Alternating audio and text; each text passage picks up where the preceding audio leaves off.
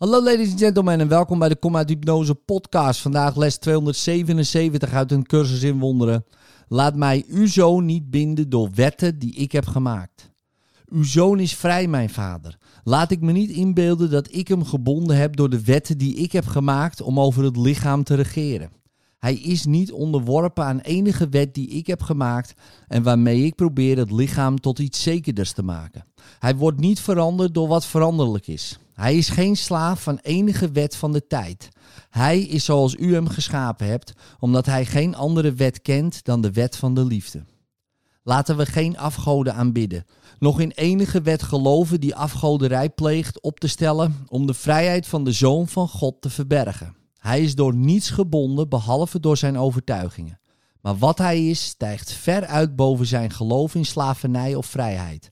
Hij is vrij, want hij is zijn vaders zoon. En hij kan niet gebonden zijn, tenzij Gods waarheid liegen kan en God kan willen dat hij zichzelf misleidt. In liefde, tot morgen.